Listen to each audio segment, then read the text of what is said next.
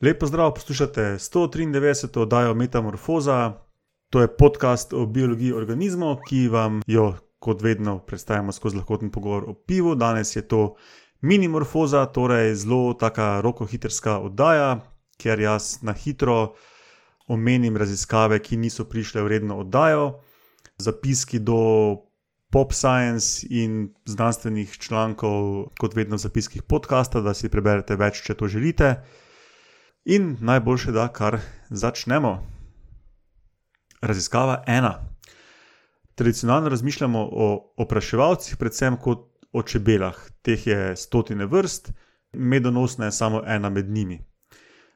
Recimo v Sloveniji imamo tam okoli šeststo, slabih šeststo vrst čebel. No, zadnja leta je pa dosti govora tudi o drugih opraševalcih.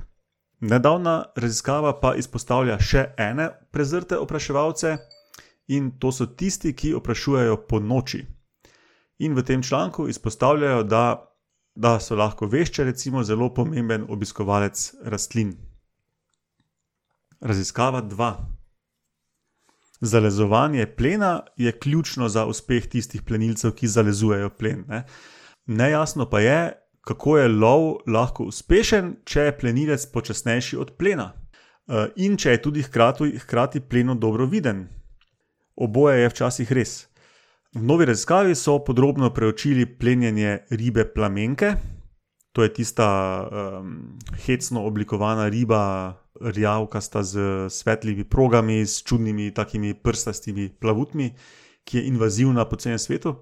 No, ribe plamenke so torej dobro vidne ribe in plavajo približno dvakrat počasneje od svojega plena. In v eksperimentih te nove raziskave so plen ulovile v skoraj dveh tretjinah zalezovanj. Uspešne pa so bile zaradi enakomernega in stalnega zalezovanja, plavanja in plavanja naravnost proti plenu, in potem, ko so prišle dovolj blizu, so imele pa zelo učinkovit napad. Raziskava 3.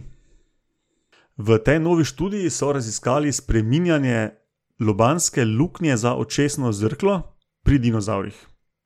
Zakaj je to pomembno? Ugotovili so namreč, da imajo rastlinoidi dinozauri in majhni plenilci med dinozauri in mladiči velikih plenilcev okroglo zrklo, medtem ko pa imajo veliki plenilski dinozauri eliptično ali pa drugače podolgovato oblikovano zrklo.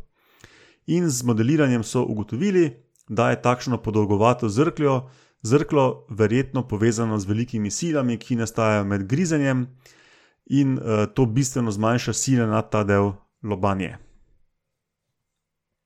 Raziskava 4. O izumrlem orjaškem morskem psu Megalodonu smo že govorili pred nekaj um, oddajami. No, in kot smo takrat omenili, Megalodon še danes vzbuja pozornost ljudi. Se pravi, če hočete slišati več o njem, pobrskajte po 187. oddaji Metamorfoza. No, v novi raziskavi pa so uporabili izjemno dobro ohranjene fosilne ostanke enega megalodona, da so pripravili prvi 3D model te živali. In s tem 3D modeliranjem so ugotovili, da je megalodon lahko plaval hitreje kot vsi današnji morski psi in da je lahko požrl tudi plen velikosti današnjih največjih krovnih plenilcev, naprimer orke in belega morskega psa.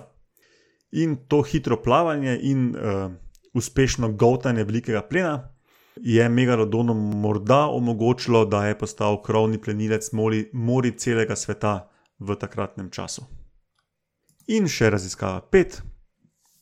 Ko smo ljudje čustveno vzburjeni, naprimer, ko smo srečni ali pa žalostni, se poveča izločanje volumen naših solz.